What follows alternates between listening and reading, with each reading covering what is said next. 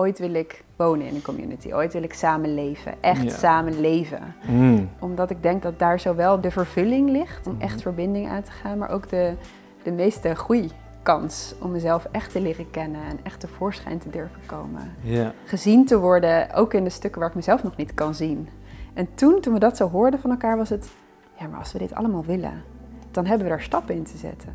Dus als er iets is in iemand, hè, dat kan iets eh, heel fijn zijn, maar dat kan ook iets pijnlijks zijn eh, of een trigger zijn, dan zijn deze mensen, wij allemaal, zijn dus toegewijd aan het, het niet wegstoppen, het niet onder de tafel of onder het tapijt vegen, maar het op tafel leggen. Mhm. En als je daartoe bereid bent en in staat bent om elkaar te blijven ontmoeten daarin, dus echt in echtheid te verschijnen, dan is er heel veel kans op heling. En als je elf mensen hebt die daaraan toegewijd zijn, ja, dat is gewoon, dan staat er gewoon magie.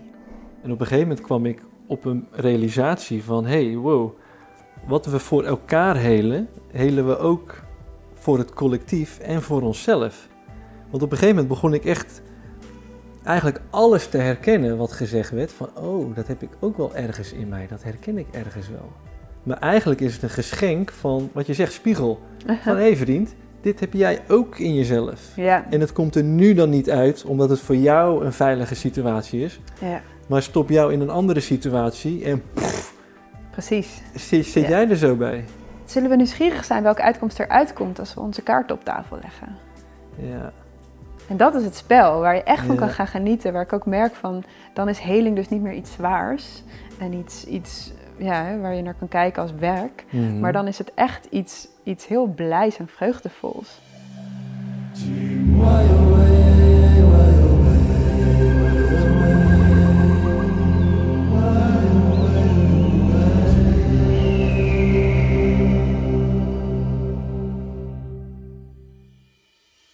Welkom beste mensen bij weer een nieuwe aflevering van de Tijdboek Lumens podcast. Eh, ik heb het gevoel dat het vandaag een hele rustige gaat worden. We zijn eh, naar Asch gereden, zo heet het dorpje hier, Asch. Mhm. En daar woont Roos Baarsen. Roos is psychologe. Ze is eh, specialist in internal family systems. Nou, dat kende ik nog niet, maar is super interessant. Maar waar ik zelf vooral op aansloeg was eh, dat Roos ervaringsdeskundige is in het bouwen van je tribe. Nou, dat is een actueel thema, in ieder geval voor mij en ons en eh, nou ja, een hoop mensen om ons heen. Eigenlijk iedereen wel, denk ik. Iedereen heeft wel een vriendengroep of iets en daar gaan dingen stroef in. Nou, ik denk dat dat super interessant is.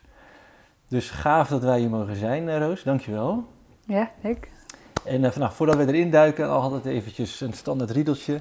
Als je deze video waardeert, dan zijn we heel blij ermee als je hem deelt in je netwerken, zodat meer mensen kennis kunnen maken met deze materie, deze content en met ons. Eh, wij zijn ook gebaat met een vergoeding op onze website tijdboeklumens.nl. Daar vind je ook nog andere boeken, gave boeken met korte artikelen over eh, nou, verdieping, visies voor een nieuwe wereld, een nieuwe manier van samenleven. En dan vind je ook andere podcasts. Nou, dat was hem wel, denk ik. Oké, Roos. Ik heb je net eventjes kort voorgesteld. Eh, maar wat is er nog meer te zeggen over Roos Baarsen? Wie, wie ben jij? Wie ben ik? Ja, wie ben jij? Ja, dat is zo'n Grote vraag. Ja, soms vraag ik ook wel eens, hoe gaat het met je? Dat is ook zo'n grote vraag tegenwoordig. Ja. ja, wat zal ik vertellen? Ehm, nou, ik ben 34 jaar. En Mhm. ik, eh, ik heb een zoon van 9. Ja, Ik heb een tijdelijke woonplek waar jullie nu zijn, hier in As. goed voor elkaar. Ja, en dat is echt een hele, hele bijzondere woonplek, omdat we er dus met z'n negenen in zijn gestapt in januari. En we gaan er anderhalf jaar Ja, community leven. Dus heeft ook veel te maken met ons onderwerp. ja zeker. Ja. Ja. Ik werk als psycholoog. ja. En ook een beetje, ik heb het nu een beetje op een laag pitje staan, maar ik heb mijn eigen theaterbedrijfje, Ik Theater. Het ik-theater, leuk. Ja, Ja, daar maak ik eh, persoonlijke stukken over mensen in eigen leven. mooi. Ja, dus dat Ja. vind ik ook heel leuk om te doen. Ja, dat kan ik me voorstellen. En nou, ik kwam hier net al aanrijden, toen dacht ik zo, dat heb je mooi voor elkaar zeg. Eh, en dat ziet er dan zo aantrekkelijk uit, want zoveel mensen willen dat wel, samenwonen, maar ga het maar eens doen. En nou ja, ik kwam jou op het spoor via een gezamenlijke vriend van ons, en, of vriendin. En ik zat met hun in een, in een klein groepje tijdens vakantie. En daar ontstond eigenlijk was het geen vakantie meer. Als ik daarover vertel, dan praat ik meer, nou het was meer een retraite werd het. We werden zo bewust van wat zich afspeelde en we hadden zoveel nou, de aandacht uh, voor elkaars proces en dat we elkaar echt konden horen. En normaal gesproken in vriendengroepen, wat ik gewend ben, is dat er ja, onbewuste patronen gaan domineren. Mhm. En die gaan dan de groepsdynamiek sturen. En het een triggert het ander. Mhm. En that's who we are. Eh, maar nee, weet je, dat, ook met deze Lumes podcast, we zijn er zo mee bezig van wie zijn we nou echt naast die maskers en patronen. En ik vond het zo bijzonder die week, Hm. echt ontroerend bijzonder. Van zo, er was ineens echt ruimte voor wie we echt zijn. En ik Hm. raakte daar zelfs van een beetje in de war van, zo, wie ben ik nou eigenlijk echt in een groep? Hm. Dus ik sprak dat ook uit naar ze van zo, dit, dit, dit raakt me echt diep, hoe wij hier met elkaar omgaan. En nou, toen vertelde zij, de Daphne dus, die vertelde, ik ken iemand of een groep en die zijn hier al veel langer mee bezig. En die zijn echt een soort, ja, tribe aan het bouwen. Toen dacht ik, wauw. En daarom zijn wij hier vandaag. Ja. Ja, ik vind dat echt. Ik weet ook niet zo goed waar ik moet beginnen, maar la- laat, laten we maar met, met, bij het begin beginnen. Weet je, hoe is die groep van jullie ontstaan? Hoe ben je eraan begonnen? Ja, ik denk zo vijf jaar geleden. Ehm, en ook daar zit al een voorgeschiedenis aan. Ik, eh, ik heb altijd al heel veel van, van community gehouden en dat ook echt als een droom gehad. Van ooit wil ik wonen in een community, ooit wil ik samen leven, echt Ja. samen leven. Mm. Ehm, omdat ik denk dat daar zowel de, de vervulling ligt, in ieder geval voor mij, om Mhm. echt verbinding aan te gaan, maar ook de, de meeste groeikans om mezelf echt te leren kennen en echt tevoorschijn te durven komen. En Ja, eh, gezien te worden, ook in de stukken waar ik mezelf nog niet kan zien. En Ja. gespiegeld in te worden. Dus er was altijd al een verlangen. En op basis van dat verlangen heb ik veel dingen georganiseerd. Feestjes, vakanties, mm, ontmoetingen. Mm. En één zo'n feest, of eigenlijk ontmoeting slash vakantie, was bij Oud en Nieuw. Twee Mhm. nachtjes. En ik heb gewoon mensen uitgenodigd toen ehm, die ik leuk vond. Dus vrienden die elkaar ook kenden, niet kenden. Ik denk dat we met een groep van tien waren. Mm. En mijn zoon was ook mee, zoontje, het was nog twee. En er was ook nog een andere, ander kind mee, voor de rest waren het volwassenen.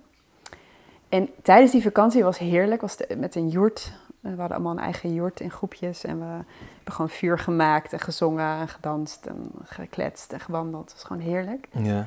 En eh, toen was ik met een, een, een vrouw aan het kletsen die toen al een beetje een vriendin was, maar nog niet zo heel goed kende.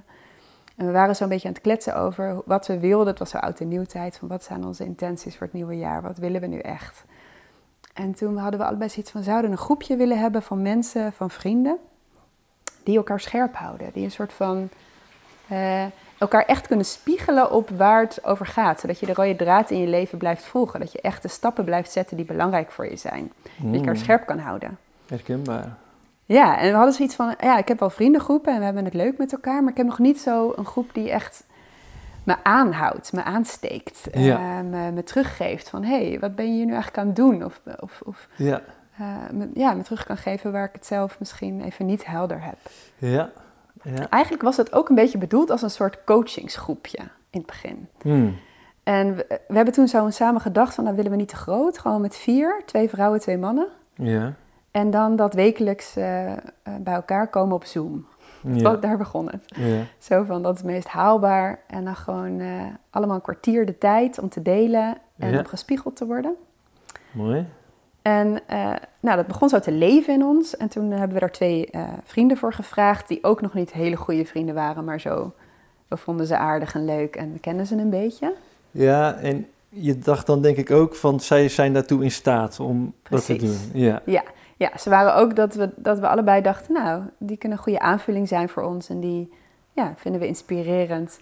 Niet zoveel over nagedacht, ook een beetje gewoon onderbuikgevoel. Ja. Grappig. En hun hebben we gevraagd. En zij zeiden eigenlijk bijna gelijk ja. Mhm. En toen zijn we dat gaan doen. Dus dat we wekelijks op Zoom bij elkaar kwamen en eh, elkaar gingen horen, maar ook echt feedback gingen geven. Ja. En eh, eigenlijk heeft dat zich verdiept in eh, vriendschap. Want we gingen op een gegeven moment gingen we live afspreken. was iets van ja, Zoom is ook maar Zoom. We willen eigenlijk liever live. Kan ik me voorstellen. Ja. En dat was, die kwartiertjes delen werden dan veel langer delen. En op een gegeven moment gingen we ook naar de sauna en elkaar masseren, uit horen kletsen, samen eten. Het werd gewoon echt een vriendschap. Oké. En, Wel eh, echt in het vertrouwen kom je dan met elkaar. Ja, maar je, je leert elkaar, elkaar- zo goed kennen. Ja, dat snap ik. Ja. Ik kan me ook voorstellen dat het een beetje ongemakkelijk voelt om zoiets te vragen aan iemand, of zo- om zo'n uitnodiging te geven. Ook om te ontvangen is misschien ongemakkelijk, van wat wil je dan precies? Maar ja, als het zo laagdrempelig begint en er klikt iets. Ja, en we kwamen natuurlijk, we waren allemaal op die vakantie. Dus we hebben elkaar op die vakantie, net als jij je vakantie hebt gehad waar jij heel blij mee was toen, Mhm. hadden wij ook een vakantie waar we elkaar al leerden kennen en gewoon het heel goed hadden met elkaar. Ja, ja. En we kenden elkaar ook al, hè? we waren nog geen beste vrienden, maar we kenden elkaar al wel. ja, precies. Dus er was al iets van gezamenlijkheid. Ja, Eh, alleen die verdieping hadden we nog niet met elkaar gemaakt. ja, ja. En dat was toen met z'n vieren, zo begon het. Zo begon het, ja. En hoeveel zijn het er nu inmiddels? Eh, we zijn nu met z'n elfen, maar dit groepje van vier bestaat ook nog steeds. We komen nog steeds, iedere twee weken inmiddels, komen we nog met elkaar samen. Oké. Ja, want uit dit viertal, op een gegeven moment zijn we gaan zitten voor wat is nou ehm, voor, de, voor de komende vijf jaar onze visie. Ja. Een soort van eh, life planning gingen Mhm. we doen met elkaar. En we hebben ieder apart van elkaar, zeg maar, hebben we daar de tijd voor genomen in dezelfde ruimte. En daarna gingen we het bespreken en aan elkaar voorleggen. Ja, ja. En toen kwam bij ons alle, allemaal kwam daaruit dat we een enorm verlangen hebben naar community. Om echt samen te wonen. Ja, en dat was niet per se van om dat met z'n vieren te doen, maar Mhm. meer zo van we willen heel graag met mensen die we zelf fijn vinden, die gelijkgestemd voelen, eh, samenleven. Dat kwam bij ons alle, allemaal eruit. En toen, toen we dat zo hoorden van elkaar, was het, ja, maar als we dit allemaal willen, dan hebben we daar stappen in te zetten. Ja. Meer dan deze fijne vriendschap die er al uit ontstaan is. Ja. En toen, dat was eigenlijk het zaadje voor de vriendengroep die nu de vriendengroep is geworden. Ja. Toen hebben we gezegd, oké, we maken een lijst van mensen die we leuk vinden. Ja. eh, die groter is natuurlijk dan ons vieren. En we gaan een vriendengroep starten. Met als stip op de horizon, we willen samen leven. En nog niet eens zozeer in de vorm van een huis. En, Mhm. en, maar we willen, willen eigenlijk een tribe vormen. Juist. Ja. En dat hebben we, toen hebben we letterlijk hebben we gewoon een lijst gemaakt van mensen die we mochten. Ja, mooi. Even, om even tussendoor, dat, dat, dat doet me gelijk denken aan, aan, aan wat ik zelf heb meegemaakt toen ik in Rotterdam nog woonde. Eh woonde ik al zes jaar en ik was toen met mijn vriendin toen Ja. en een paar vrienden uit eten in Amsterdam. Uh-huh. En toen, al- toen stelden ze ook die vraag van, hé, wat zouden jullie nou graag willen? Waar zouden jullie nou graag wonen? Want eentje woonde op Hawaii Ja. en de ander ook weer ergens anders. Waar zouden jullie nou graag willen wonen? En wij zeiden eigenlijk allebei, ja, Amsterdam. Maar dat hadden we het nooit echt over gehad samen. Ja. En binnen een half jaar wonen, gingen we in Amsterdam wonen. Wauw. Ja. Gewoon een vraag en dat kan zoveel teweeg brengen van zo, waarom doe je het dan niet? Ja. Ja, daar heb je eigenlijk geen reden voor, weet je. Ja, je hebt in je achterhoofd, als je niet bewust van bent, heb je een soort smoesjes, je eigen verhalen om niet bepaalde moeilijke vragen aan jezelf te stellen. Maar als iets in alle openheid en vrijheid op tafel komt en dan kan er soms zo'n lachwekkende realisatie komen van ja, waarom doen we dit niet? ja. Ja, Eigenlijk hebben we zoveel meer creatiemogelijkheid dan we beseffen. ja, En zeker bij een vriendengroep dacht ik altijd, dat moet toch ontstaan?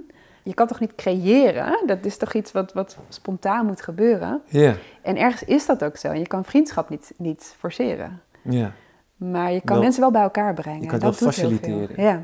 Ja. ja, we weten ook niet beter van vroeger van school uit. Het ging altijd organisch Ja. en het werd nooit gestuurd, maar eigenlijk Ja. werd het wel gefaciliteerd doordat je bij Ja. elkaar op dezelfde sportvereniging zat of in dezelfde Mhm. klas zat. Precies, ja. Ja. Maar zijn er ook wel eens mensen afgevallen dat je dacht van, nee, dat stroomt toch niet?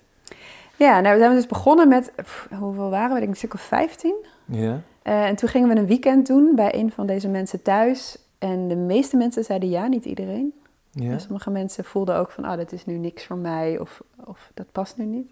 ja, En daarvan, van die mensen die toen zijn ingestapt, daarvan zijn er denk ik nog drie of vier afgevallen. ja, ja. ja, Ja. ja.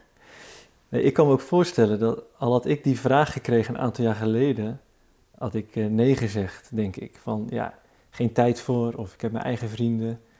Eh, zoiets moet organisch ontstaan. Maar ja, ergens voel ik ook van, en dat is nu een fase waar ik zelf in zit, ik ben ook heel veel aan het loslaten. Omdat ik zoveel zit in te voelen van wat klopt er nou en wat niet. En bepaalde dingen kan ik gewoon niet aangaan blijkbaar met mensen, relaties die ik had.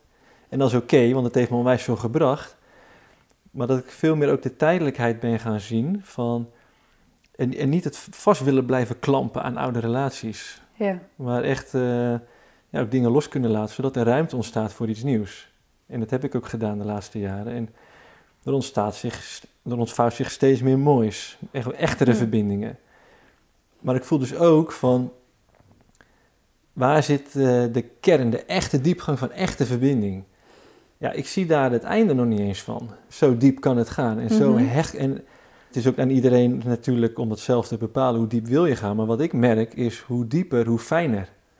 Weet je, hoe echter het leven wordt. Hoe intenser en vreugdevoller. En Mhm. wow, en het mag er zijn. En, en ja, dus, dus ik hoorde van jouw verhaal dat, jij er nog, nog, dat jullie er nog veel dieper op ingaan. Ik denk, ja, let's talk. Weet je, dat is echt... Mhm. eh, ja, misschien zegt het ook meer over mijzelf. Kijk, jij bent psychologe geworden, onder andere. En dat, dat suggereert mij al iets van een bepaalde interesse in je leven, waar je al vroeg achter kwam. En ja, ik heb techniek gestudeerd. Ik, ik kom Ja. uit een hele andere kant. Ik was ondernemer. En ik had wel, nou ja, vond ik dan bewuste, spirituele, ondernemende vrienden. Daar ging ik op aan. Maar als ik dan nu terugkijk, denk ik, ja, bepaalde aspecten was gewoon totaal geen ruimte voor. Hm. En richting 2020, toen is bij mij echt een knop omgegaan van wow, in wat voor wereld leef ik. En maar richting 2020 zijn bepaalde relaties al op afstand geraakt. En dat snapte ik toen niet zo, maar nu met terugwerkende kracht kijk ik daarnaar en denk ik, dat was echt de voorbereiding om mij te bevrijden, dat ik veel meer open kon staan voor iets nieuws. Omdat ik anders nog in een soort groepsdogma zou zitten. In een soort mannen-macho cultuur. Eh, waar ik toch ook gevoelig voor ben. Weet je, ik word vaak, ik krijg vaak een compliment dat ik zo authentiek ben. Nou, die neem ik graag aan. maar ik weet ook dat ik ook be- beïnvloedbaar ben. En dus het was ook echt nodig om mij te bevrijden van bepaalde relaties die mij onbewust toch op een bepaalde vibe hielden. Die helemaal niet dienend was voor mij eigenlijk. Nee. Een tijdje heeft het gediend, maar op een gegeven moment niet meer. En het takes two to tango. En ja, als het eh, niet, niet verder gaat, ja, dan... En ik voel die roeping om verder te groeien, me verder te ontwikkelen, naar mijn echte essentie te gaan. Ja. Ja, heb ik dat ook los te laten. Dat ken ik ook hoor. Ik heb ook Ja. vriendschappen losgelaten. Niet Hmm. per se door deze vriendengroep, want dat kan prima naast elkaar bestaan. Ik heb ook nog steeds losse vrienden die niet in die vriendengroep zitten. Zoals Ja, ja. Daphne en Job. Ja, ja. En, maar ook nog meer en dat gaat prima samen. En als ik mijn verjaardag vier, dan nodig ik iedereen uit en dan gaat dat ook weer prima samen. Dus dat, ik merk dat het is geen groep die, die zich sluit naar anderen. Het is een geen groep die... secte. Het is geen secte, nee. Dus het is, het is juist heel... Ja, ook met oud en nieuw openen we vaak. We gaan twee keer per jaar op vakantie. Ja, En vaak met oud en nieuw eh, vieren we het niet alleen maar met de vriendengroep, maar ook met mensen daarbuiten. Eh, Ja. Juist ook omdat het leuk is om te mengen en om, om het nog met meer mensen te, te beleven. ja, ja. En, En waar onderscheidt de, de groep zich voor jou nou echt in? Wat is, wat is voor jou echt de kern van waar je helemaal van aangaat, waar je zo warm van wordt, waar je enthousiast Mm. over bent? Wat ik heel bijzonder vind aan deze groep is dat het, eh, we zijn met z'n elfen Ja, en we zijn echt eh, allemaal echt toegewijd aan aanwezig zijn Mhm. en, en in echtheid in verbinding gaan. En als je elf mensen hebt die daaraan toegewijd zijn, ja, dat is gewoon, dan staat er gewoon magie. ja, kun je een voorbeeld van die magie noemen? Jemig, waar te beginnen? Ja, Nou, dus als er iets is in iemand, hè, dat kan iets eh, heel fijn zijn, maar dat kan ook iets pijnlijks zijn eh, of een trigger zijn, dan zijn deze mensen, wij allemaal, zijn dus toegewijd aan het, het niet wegstoppen, het niet onder de tafel of onder het tapijt vegen, ja. maar het op tafel leggen. Mhm. En als je daartoe bereid bent en in staat bent om elkaar te blijven ontmoeten daarin, dus echt in echtheid te verschijnen, ja, dan is er heel veel kans op heling.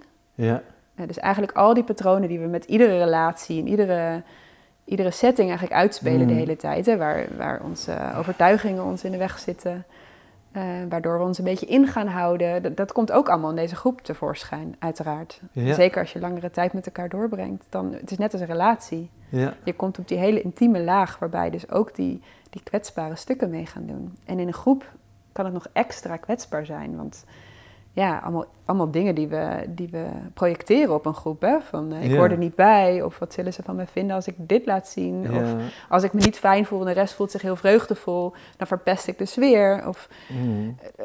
honderd dingen die je kan projecteren. Maar als je in Ja. staat bent om dat echt waar te laten zijn, in te brengen. En dus, dus niet te verstoppen en je niet leuker voor te gaan doen. Ja. Ja, dan ben je eigenlijk op een, op een heel diep niveau met een hele groep bezig met ja, heling. Ja. Die niet per se zwaar hoeft te voelen, maar juist ook heel bevrijdend. ja, dat je er mag zijn in je hele volledigheid. Precies. En dat gaat soms tegen al je gevoel in. Maar deze Ja. groep is zo verwelkomend daarin, zonder dat het per se Ja. eh, bemoedigend is. Hè? Want ook Mm. daarin hebben we natuurlijk onze weg moeten vinden. Dat als iemand in een zwaar stuk zit...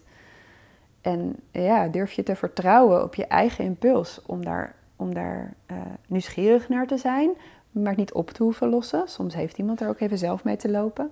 Ja. En soms is er alle ruimte voor. En soms hebben we zin om lekker te volleyballen. En, en mag het er zijn, maar wordt er niks mee gedaan. Ja.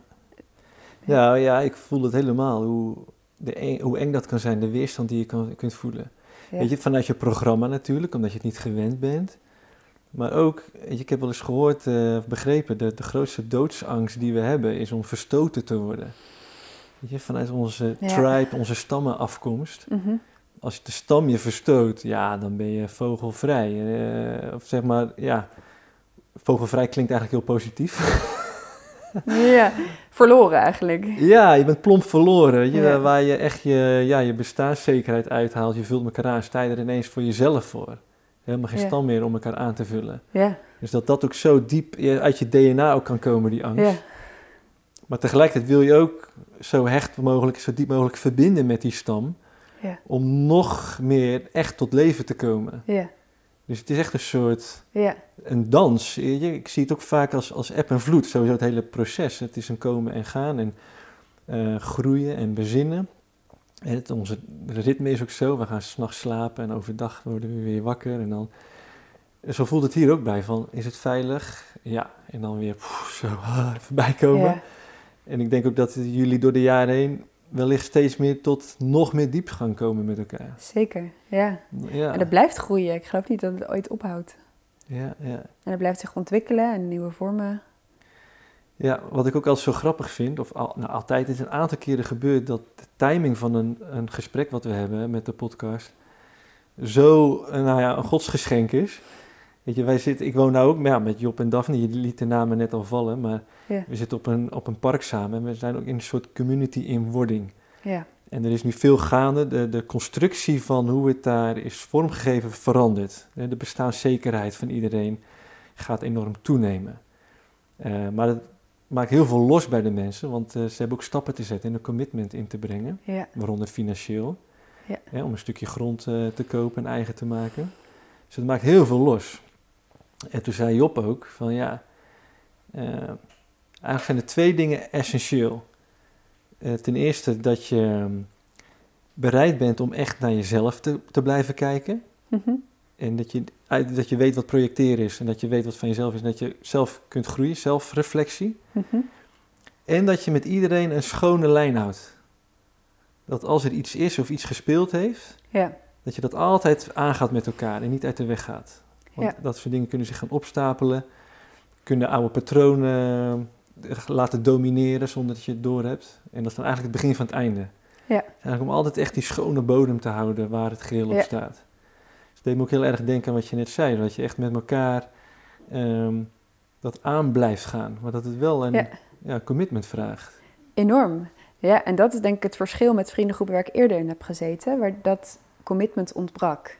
Ja, En, en dan eh, gaan er zoveel dingen op een gegeven moment onder tafel spelen of ophopen eigenlijk. Mhm. En als er niet de, de toewijding en het commitment is aan ik wil dit echt aangaan met jou. ja. En ik ben bereid om ook daar waar het spannend of kwetsbaar of waar wrijving ontstaat, om daarin te blijven. Als Ja. dat er niet is, omdat er of te weinig zelfreflectie of te weinig vermogen is, of gewoon ja, niet de willingness, de bereidheid is, Ja. ja, dan moet je er dus omheen gaan bewegen. En dat, ja, dat werkt vaak helemaal niet fijn. Nee, daar zit ik Voor nou mij ook- niet. Nee, voor mij ook niet. Ik, ik zit daar nu met één iemand. Ja, Ik wil geen namen noemen, want het gaat mij nu om de principes natuurlijk. ja, Eh, maar het principe wat hier gebeurde vind ik dus heel interessant. Want in het groepsgesprek wat we hadden met elkaar, eh, vond ik die persoon nou, heel dominant aanwezig. En ik, die was aan het vertellen wat een ander zou moeten doen, uh, voor mijn gevoel. Dus ik sprak dat uit van nee, dit voelt niet vrij voor mij. Weet je, dat we elkaar ineens gaan vertellen wat we zouden moeten doen. En ik zei dat zelf ook met een bepaalde energie, die ik zelf ook niet helemaal fijn vond. Dus achteraf had ik hem nog uh, gesproken en uh, van nou, ik zou het wel fijn vinden om nog eventjes te clearen tussen ons. Even een kopje thee te doen om daar even helemaal bij stil te staan. Hij zegt, nee, die behoefte heb ik niet. Ja.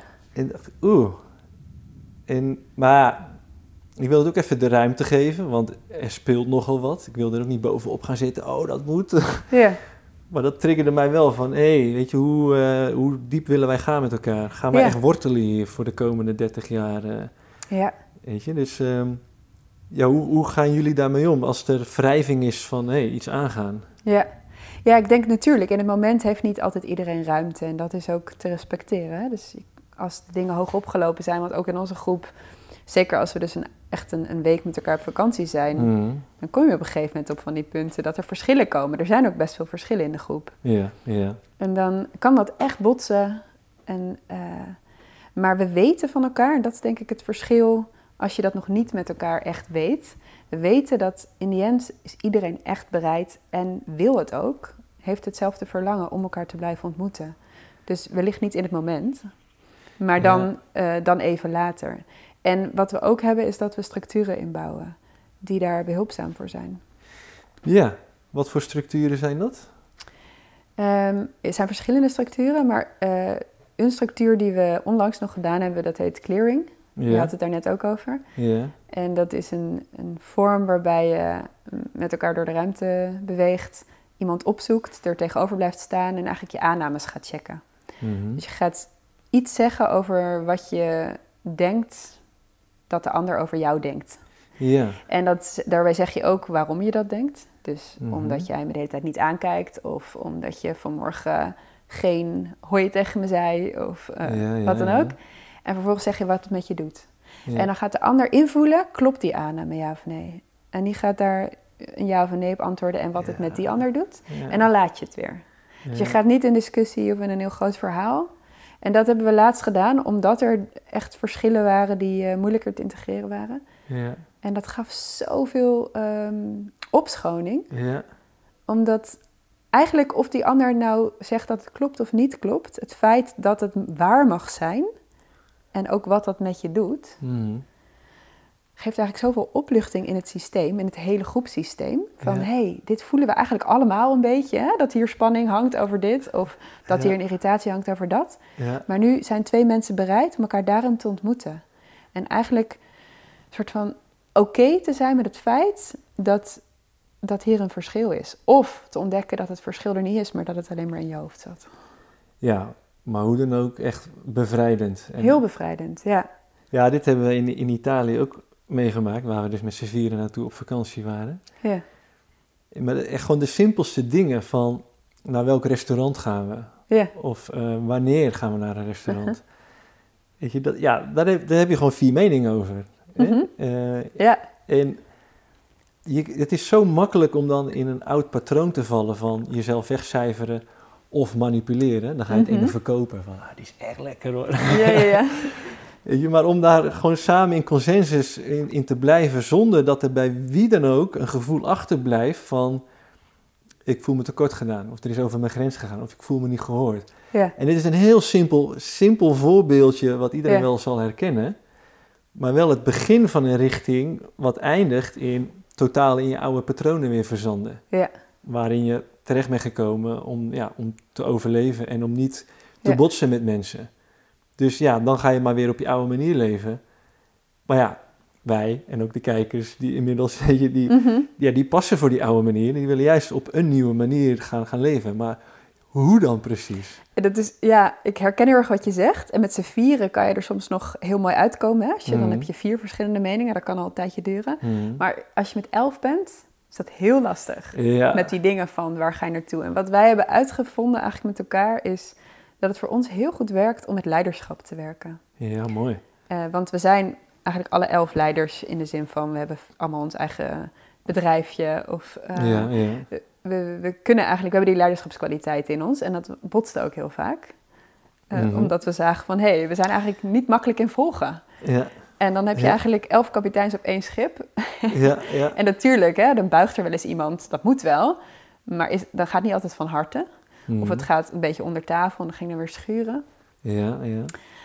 En eh, wat we ontdekt hebben is, zeker als je dus met een grotere groep bent, waarbij je niet altijd tot, tot de consensus kan komen, omdat je daar niet, je wil niet bij elk ding, hè, dus dat je, bij grote dingen natuurlijk wel, maar je wil niet bij elk klein ding Nee. daar eh, uren mee bezig zijn. over houden. Van, ja. Ja. Dus wij, wat wij hebben uitgevonden is dat het voor ons heel goed werkt om. eh, we hebben dus één keer in de maand hebben we een dag samen. Ja. En nou, we hebben natuurlijk ook vakanties. Maar bijvoorbeeld als we zo'n dag samen hebben, dat één iemand die dag eh, faciliteert Mhm. en de invulling daarin geeft. En dat kan echt zijn van een, een we doen een opstelling samen of een clearing. Eh, maar dat kan ook zijn, we gaan volleyballen of we gaan een wandeling maken. Dat kan echt van alles zijn. Ja, ja. Eh, maar die faciliteert het en de rest die, die volgt. En in dat volgen mag je Mhm. wel helemaal zeggen wat het met je doet. Ja, En, eh, maar je bent zelf verantwoordelijk voor je eigen weerstand. ja, Dus, dus, je, hoeft, dus je gaat eigenlijk, je blijft jezelf leiderschap. ja, ja, ja. ja. Eh, dat blijft. Alleen je geeft eigenlijk je, je okéheid met het volgen van deze leider in dit moment. En wordt er wel eens gemuid dat eh, mensen met een groepje denken, nou, bekijk het. Ik heb helemaal geen zin om te volleyballen. Nou, het werkt dus heel goed omdat je echt consent geeft over, over oké, ik geef consent dat ik eh, instap en me laat leiden. En natuurlijk, als iets niet goed voelt, dan geef je dat aan. Maar muiten is eigenlijk de, de onvolwassen versie van ik wil dit niet, maar het moet van de juf of meester, weet je wel? Ja, ja. En ja. ik ga me er tegen verzetten. Het is maar- maar net op wat voor manier het allemaal Ja. gebracht wordt en hoe het voelt. Maar als je zegt van, hé, hey, ik, eh, ik voel eigenlijk dit verlangen in mijn leven. Of ik merk dat ik nog niet helemaal mee kan, omdat ik me hier en hier zorgen om maak. Of Mhm. omdat ik dit of dit voel. En dan weer overlaten aan de leider wat hij daar eigenlijk mee doet. Dat is eigenlijk Ja. waar we nu zitten als groep. Van, Schitterend. kunnen we ons daarin in laten En, en hoe, is het, meevoeren? ja, hoe is het idee ontstaan van, van dat leiderschaps eh, per, per dag? Weet je, hoe, hoe kom je Ja. daarop? Nou, we hebben eigenlijk een soort, ehm, eigenlijk heel mooi. We liepen een beetje in een soort van ehm, relatiecrisis, zou je kunnen zeggen. Zoals je met een relatie ook kan hebben, hadden we het met de groep ook. Dat op een gegeven Mhm. moment voelden van, hé, het stroomt niet meer echt. Ja, Het, eh, er zijn een soort van spanningen waar we niet helemaal doorheen bewegen of zo. Of we hebben te veel verschillen eigenlijk. En de laatste vakantie, eh, voordat we deze eh, interventies deden, zou je zeggen, ja. liep niet meer echt vervullend. Dus we hadden zoiets van, er moet iets gebeuren. Mhm. En toen hebben we drie keer eh, gedaan, waarin we dit eigenlijk hebben uitgeprobeerd. Waarvan drie, eh, drie keer iemand anders de leiding heeft genomen. ja, Je zou kunnen zeggen, het was een soort van relatiesessie, ja. maar dan zonder iemand erbij. Dus we hebben één keer een opstelling gedaan. Hebben we echt een groep opgesteld en gekeken van, eh hey, wat heeft de groep eigenlijk nodig? Wat gebeurt hier in het veld? En wat Mhm. daaruit kwam, was ehm, onder andere, er mist structuur. Er, Ja. mist, er is eigenlijk structuur nodig en ehm, vorm, ja. waardoor we als groep een soort van erin kunnen vallen. En niet elke keer opnieuw het wiel hoeven uitvinden. Juist, ja. En er, er was wel structuur. We deden elke ochtend een sharing bijvoorbeeld. Dat hielp al heel erg. Een check-in. Van Ja. hey, wat leeft er? En we deden een verlangensrondje. Mhm. Maar eigenlijk ontbrak nog eh, de structuur van bijvoorbeeld de dagen. Van hoe geven we die invulling? Dat het dus minder een beetje heel erg in de flow, maar dan kan je dus ook meer in de, ja, wat gaan we nou eigenlijk doen? En met z'n elfen dan zo'n schip besturen, dat vraagt veel energie. En daar werd dan weer, er was dan weer frustratie over. Dus uit die opstelling kwam echt naar voren, ga structuur aanbrengen, ga vorm aanbrengen. Ja, en ik voel hem. Het, roept gelijk een hoop bij me op. Weet je, wij, wij hebben nu met Lumens twee eh, tijdboeken uitgebracht. Met die korte artikelen. Ja. En eh, we gingen nou, een halfjaartje terug aan ons derde boek beginnen. Met als thema leiderschap. Ja. Nou, toen kwamen we samen. Katie Schenen, Sanne Burger en ik. Wij gingen dan de kern van die nieuwe redactie vormen. Maar na twee weken of zo trokken we de stekker er al uit. Want wat is leiderschap? En, en, en dan hoort ook volgerschap bij. En wat is gezond volgerschap? En Ja. we zaten om ons heen te kijken en we hadden wel lijstjes met namen. En ik zat er naar te kijken. En ja, het voelt voor mij nergens helemaal compleet. Van, het is overal nog ja, deels met oud gedachtegoed er doorheen. En niks ten nadele van dat, hè, want we zijn Mhm. allemaal onderweg. En het brengt allemaal iets voor een tijdje. Ja. Maar wat wij met Lumens proberen is om echt naar de kern te gaan en echt op waarheid een toekomst te bouwen. Nou, wij kwamen er niet uit met leiderschap. Dus we hebben het even gelaten. Er staan nu wel antennes aan. Ja. Waardoor ik nu dus met grote oren naar je zit te luisteren. Van hé, hey, dit voelt voor mij wel echt als een, als een nieuwe manier om het echt te laten ontvouwen. Ehm, en je zegt ook heel terecht van dit is waar we nu staan. Weet je? Ja. je houdt ook de, de ruimte voor waar het eventueel allemaal nog heen gaat stromen. Er staat niks in steen gebeiteld. Nee. En ik denk ook, weet je, we proberen ook, nou ja, bruggen te slaan naar alle echokamers die maar mee willen kijken. Ehm, niet dat mensen denken van, eh, stelletje hippies, wat zitten ze nou elke dag met elkaar met een vredespijp eh, urenlang te praten over eh, naar welk restaurant ze gaan. Je, dat is geen manier voor, van, van leven, dat brandt je ook op. Dat heb ik zelf ook gevoeld van, jeetje, het wordt wel erg veel zo. En dan Ja. ga ik me irriteren dat iemand te lang aan het woord is voor mijn gevoel en te veel ruimte inneemt. Terwijl die persoon juist een trauma op heeft van het durven innemen van haar ruimte. Ja, ik durf daar niks van te zeggen dan. Van, hé hey, hallo, kan het even ietsje korter? Ja. Dus ik voel me dan ook weer... En, maar dat dat dan vervolgens ook de ruimte mag krijgen, wat weer nou, een nieuw gesprek aanwakkert van hoe kunnen we dit beter vormgeven. Ja. En ik denk als ik nu naar de wereld in het groot kijk, is het eigenlijk een, nou ja, een uitvloeisel van het uitbesteden van leiderschap. eh, nou ja, wat een, eh, een eigen leven is gaan leiden. Een manier die ons niet helemaal meer dient.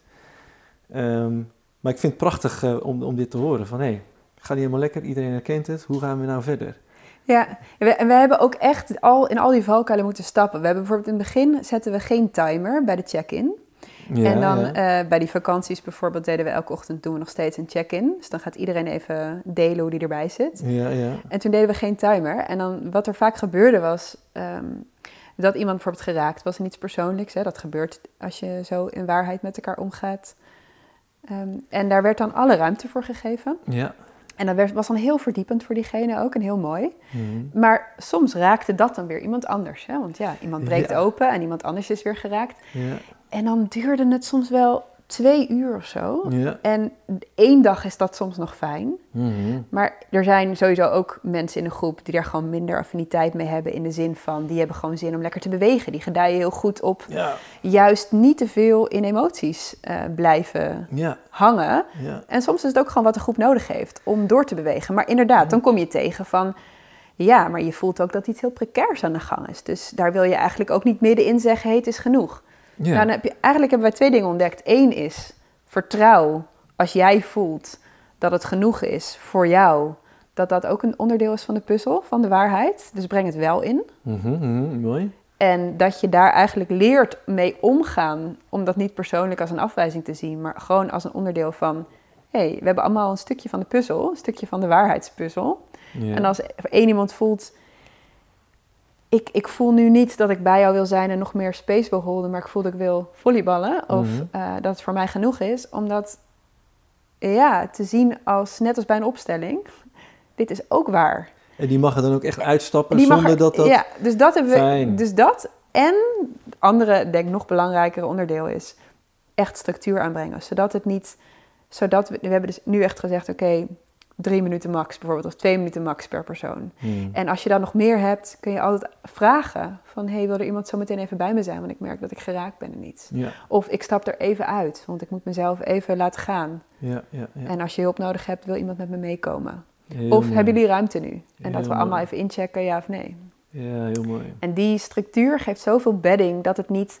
Eigenlijk was het een beetje het, het, het vrouwelijk, om het even zo te noemen, wat dus in al die emoties heel erg kan verdiepen, maar ook kan uitdijen. Hmm. Die had een beetje de overhand. Dus het, het overstroomde met de emoties, waardoor we eigenlijk tot niks meer kwamen. Ja, ook En het, wat, herkenbaar. en het wat te veel een soort helingsvakantie werd in plaats van een, een vriendenvakantie, waar de balans zoek was. Ja. ja, dat herken ik ook. Ja, wauw. Ja, ik, ik heb echt een lijstje vragen in mijn hoofd inmiddels. uh, ja. Nee, uh, ik, ik, ik herken echt zoveel van wat je zegt en ook dat het dan te veel kan worden. Um, wij hebben nu, hè, waar ik woon, doen we regelmatig sharings. Ja, dan komen we met, voor wie wil, komen we samen in, in een huiskamer bij iemand. En dan zitten we met z'n tien of zo en dan praatstok en die gaat dan rond en dan kan je delen. Maar we hebben laatst een sharing gehad over de sharing zelf. Mhm. Hoe vinden we dit gaan? En ik had zelf de behoefte van, ja, ik hoor zoveel diepe, intieme dingen, uh, maar vervolgens gebeurt er niks mee. Van wat ik zie in ieder geval. En ergens voelt dat ook weer averechts voor mij. Hè? Je deelt iets kwetsbaars, maar er is geen ruimte voor dat er echt mee aan de gang gegaan wordt. Of dat er uh, ruimte voor is om daar helemaal uh, op in te gaan. Dus ik dacht, is het niet beter ook dan om, om een soort subsharings te doen?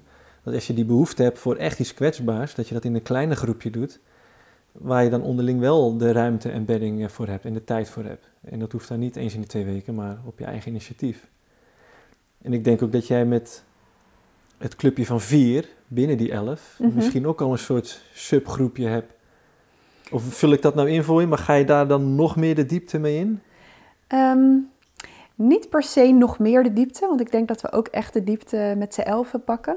Ja. Uh, alleen omdat we elkaar vaker zien en ook meer de tijd hebben. Want als je met z'n vieren bent, heb je gewoon meer tijd per persoon als je bijvoorbeeld deelt. Juist, ja, dat. Ja. Kan je inderdaad wel meer in die Ehm, in die tijd eigenlijk vallen ja. met elkaar. En daarmee ook uitpakken eigenlijk wat daar uit te pakken valt. Juist. Maar ook dat, uh, als we meer...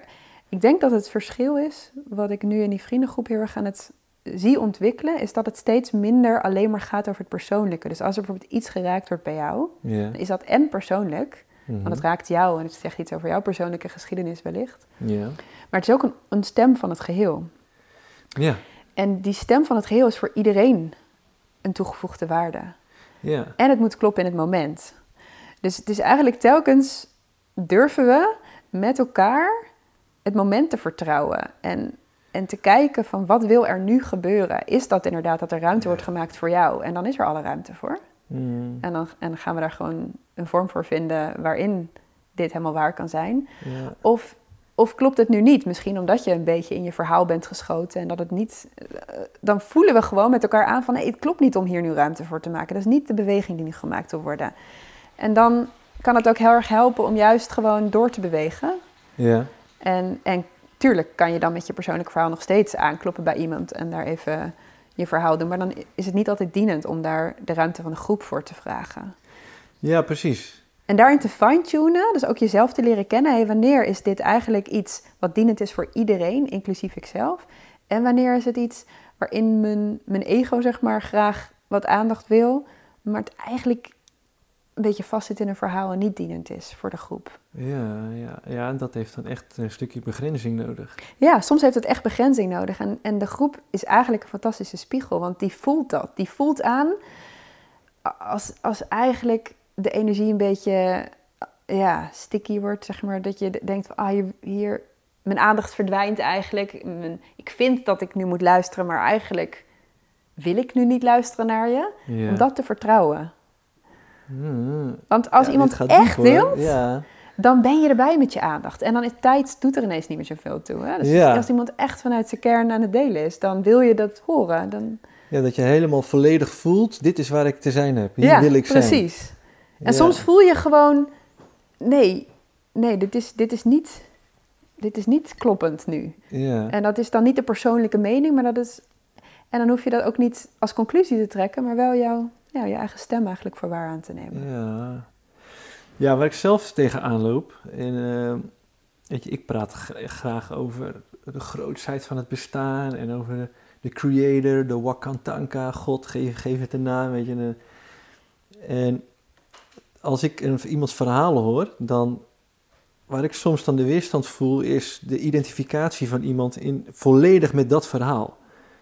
Van dit leven. En denk ik, hey, het is zoveel groter. Maar ik voel tegelijkertijd de spanning van, als ik het grote nou ga proberen te trekken, van ehm, neem het niet te serieus bijvoorbeeld. Dat kan dan een beetje de sfeer hebben. Van mhm. identificeer er niet helemaal mee. En eh, je bent ook nog die grotere ziel, je bent hier om, om een les te leren. En, eh, dat ik, wat ik dan voel, en misschien is dat een, nog een angst die ik dan in me heb, maar dat die ander zich juist niet serieus genomen voelt en nog meer dichtslaat. Ja. Weet je, hoe, hoe zou jij daarmee omgaan? Ja, het is heel mooi, want dit, dit herken ik. Ja. Ehm, en wat ik aan het leren ben, is sowieso, je bent slechts een onderdeel van, ik noem steeds de puzzel, hè, maar daarmee bedoel ik, je bent een onderdeel van dat groepsveld, van dat groepssysteem. Dus je weet iets nooit beter dan de ander. Dus als iemand vastzit in iets, ehm, dan mhm. zit daar ook waarheid in. Daar zit ook een gift in.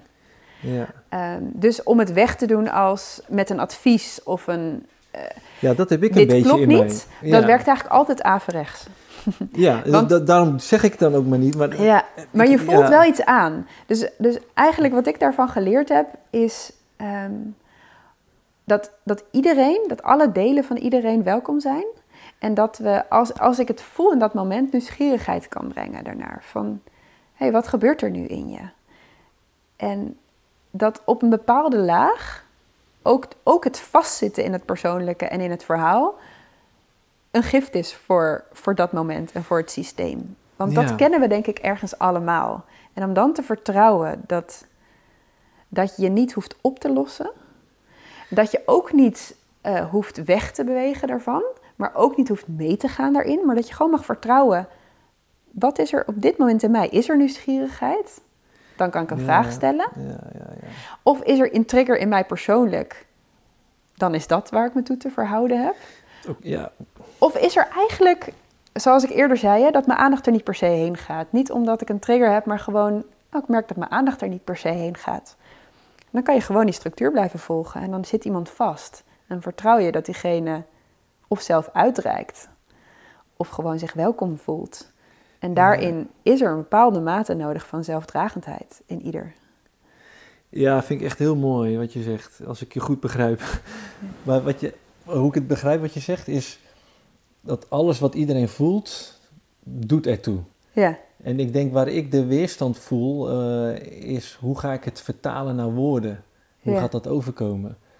Uh, maar als ik het gewoon puur bij mezelf weet te houden, en niet zo van, hé, hey, jij zou het wat breder moeten trekken. Uh -huh. Dat is ook een realisatie waar we nu in zitten met onze eigen -huh. community. Maar dat ik dat gewoon puur bij mezelf weet te houden. Van, oh, ik voel echt uh, dat er ruimte mag komen. Of hoe zou jij dat verwoorden? Ja, eigenlijk gaat het hier... Het is leuk, want uh, daar geef ik workshops in. Authentic Relating. Ja. Het gaat eigenlijk over, kan je ownership nemen over jouw ervaring van dit moment? In dit geval zou het kunnen zijn, ik merk weerstand in mezelf als ik naar je luister. Ja. Ik vind het moeilijk om, om, om je te horen. Mm -hmm. En ik merk dat ik een verlangen heb om wat is je verlangen op dat moment?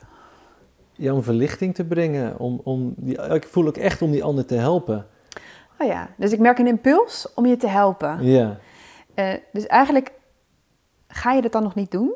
Want eigenlijk zou dat ook kunnen zijn dat het jouw redder is, hè? Die, Ja. die daar iets wil doen. Maar dat je eigenlijk zegt, oh ja, ik vind het heel moeilijk om hierbij aanwezig te zijn. Bij jou vastzitten.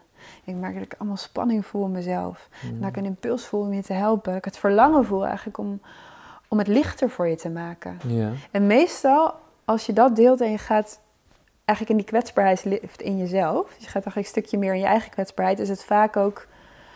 Oh, ik, ik merk dat ik het heel verdrietig vind om, om zo machteloos jou te zien lijden hier. Mhm, ja. En, en vaak als je op die laag deelt, Ja. smelt er ook iets in de ander. Want dan voelt hij, die ander wil echt bij me zijn. Of die voelt mij met me mee. Je en dan- maakt zo'n wereld van verschil wat je zegt. Ja, Ja, dat ik voel hem, maar... Ja, dit vind ik dus heel moeilijk. Dit is echt waar ik, waar ik echt... joh, dat eh, is ook een kunst. Dat, dat is voor iedereen moeilijk, denk ik. Ja. Ja. En ik, ik weet ook, kijk, ik heb een leven geleid waarin ik heel veel moeite heb gehad met autoriteit. Dus ik ben zelf de leiding gaan nemen. Ja. En als mijn buitenwereld me niet zinde, dan ging ik dat omzetten. En dan ging ik manipuleren. Dat is gewoon een vorm van, van manipuleren. En het zit gewoon in mijn gedragingen, in mijn woordkeuzes, in mijn toontjes. En ik, ik, ben, ik probeer er echt bij te zijn. Misschien zitten mensen nou keihard te lachen als ze mee zitten kijken. Van, ah joh, je blinde vlekken. Maar ik, ik, ik heb zo'n verlangen om daarvan los te komen. Weet je, hoe jij dat net, net verwoordde, Ja, dan voel ik zo de zachtheid en de oprechtheid en de echte verbinding. Terwijl het, eh, mijn eigen verlangen is niks anders dan hoe jij het net uitsprak, dan hoe ik het verwoord, is, is niks anders. Maar ik, mijn maniertje is gewoon, Ja. Oh, het zou zo goed voor je zijn als jij even wat eh, Ja. zus en zo zou En het doen. leuke is dat als je dat bij mij zou doen bijvoorbeeld, hè, en ik zit echt in iets vast en, ik, en het voelt voor mij alsof je mij aan het manipuleren bent. Ja, En wij hebben het, het contract met elkaar, zoals we dat in die vriendengroep hebben, het Ja, niet ja. geschreven contract, dat ik mijzelf ook echt inbreng. mhm.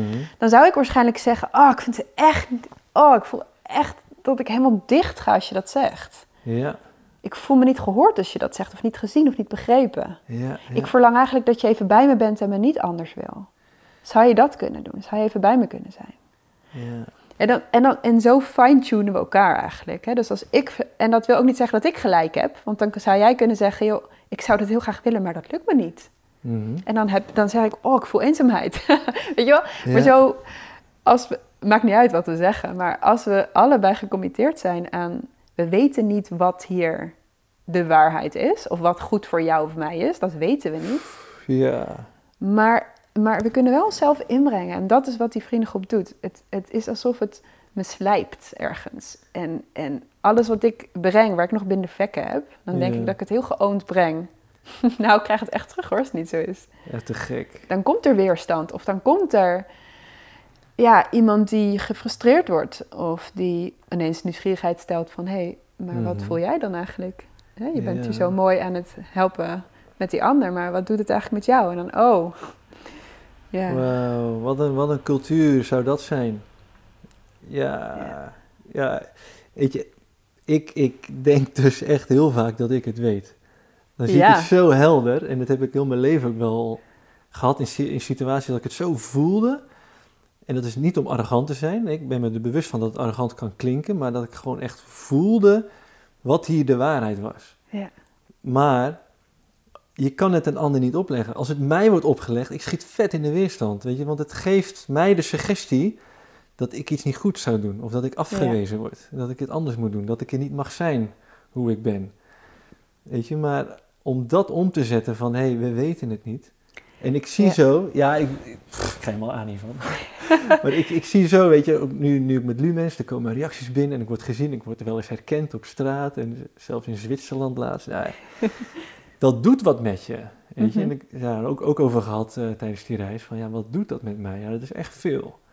Weet je, en het, ik wil niet dat het mijn ego gaat voeden. En dat is tegelijkertijd ook wat ik zie met mensen die hele mooie dingen, eh, of die veel aandacht krijgen. Dat die soms een bepaald punt voorbij gaan dat ze echt in zichzelf ge- geloven met een bepaalde blindheid. Die ehm, niet meer tot inkeer kan komen zonder een, een harde muur, lijkt het wel. En ik zie dat nu ook, hè, via, eh, via dit, ja, dit kanaal een hoop mensen leren kennen.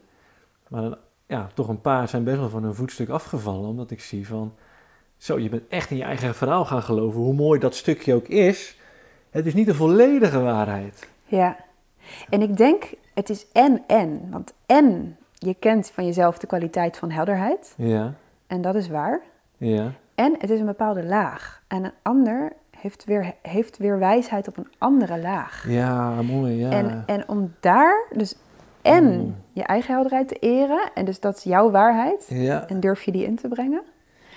En open te staan voor dat de ander ook waarheid heeft. Ja. Misschien in een vorm van een laag waar jij niet zo in thuis bent. Dus bijvoorbeeld, er is iemand in de groep die af en toe mij echt kan triggeren. Die ehm, mhm, best wel in het hele eh, persoonlijke stuk vast kan zitten. ja, En dan is er heel herkenbaar, er is ook iets in mij wat graag wil helpen eigenlijk. Hè? Om de ander uit dat persoonlijke vastzitten te helpen. En Ja. weer naar die gro- grotere, grotere lichtheid, Ja. of grotere vrijheid eigenlijk te kunnen bewegen. ja, ja, En diegene brengt een hele menselijke laag in, die ik eigenlijk ook ken in mezelf. Misschien niet altijd op dat moment ervaar, mhm, maar het is een laag van vastzitten die, die ik ook ervaar in mezelf, of kan ervaren in mezelf. ja. En zij brengt het eigenlijk in op een manier die, eh, die heel open en transparant is, waar ik hem misschien nog terughoud. Of Ja. een beetje probeer te verdoezelen. Of me ervoor kan schamen dat ik ook Ja. die laag in mezelf ken. En, Ja. en om je daarvoor open te stellen van dat heeft ook echt een schoonheid in zich en een waarheid in zich om te mogen verschijnen. Het is misschien niet aangenaam, Mhm. maar het is ook een waarheid eh, van hé, hey, dit is ook een laag van ons mens zijn. En wat als het niet opgelost hoeft te worden, maar dit eigenlijk ontmoet mag worden. Ja. ja, dat raakt me wel. Ik zit mezelf ook echt uit te lachen nu. nee, ik herken het onwijs wat je zegt. En wat ik dus... Kijk, dit is echt... Ik wil niet, niet nou mezelf ehm, omlaag praten of zo, maar... Kijk, ik, toen ik op het VWO eh, terecht kwam, kwam er bij mij al iets eh, ingegoten van buitenaf, alsof ik meer zou zijn dan scholieren op de HAVO. Hm. En op de MAVO, nou, dat zit daar nog weer onder. Weet je, en zo die ongelijkwaardigheid. En nou, universiteit en eh, dus ik heb een succesvol bedrijf eh, opgezet. En, ver- het zijn allemaal dingen waarin de buitenwereld een suggestie geeft eh, dat je meer zou zijn. En dat, dat programma zit nog steeds in mijn systeem. En ik vind mezelf daar behoorlijk bewust van inmiddels. En ik, ik hoop niet, en ik, ik hoop- wil mensen ook uitnodigen om mij erop te wijzen als ik dat niet ben. Weet je, maar ik voel dat ook nu ook weer in zo'n spiritueel proces als, als waar we het nu over hebben. Die andere laag die jij zegt, weet je, ik, ik voel mezelf alsof het een soort ladder is. Weet je, ik drink nauwelijks alcohol meer, ik rook niet meer, eh, koffie niet meer, eh, eh, pornografische verslaving al, al, nou, al langer eh, achtergelaten. En dan vind ik wat van mezelf. En dan zie ik iemand anders nog wel met bepaalde dingen. Die dan vervolgens zo'n menselijke laag inbrengt. En dan voel ik weer, ik weet het beter. Mhm. Die menselijke laag van jou eh, heb jij nog eh, in te groeien. En dit gaat allemaal heel onbe- onbewust, hè? Ja, Als ik er zo bewust van was, had ik het nooit zo gedaan natuurlijk. Maar door dit gesprek word ik er bewust van. Ik zit mezelf dan ook weer uit te lachen. Van ja, je denkt het allemaal weer zo, zo goed te weten in bepaalde situaties. Maar ja, hou het open, precies wat je zegt. Ja. Weet je, laat ruimte voor die ander. En, en wat ik ook zo sterk voel. Mij had nooit wat eh, bijgebracht kunnen worden. Ik had het echt zelf te ervaren allemaal en te Mhm. ontdekken.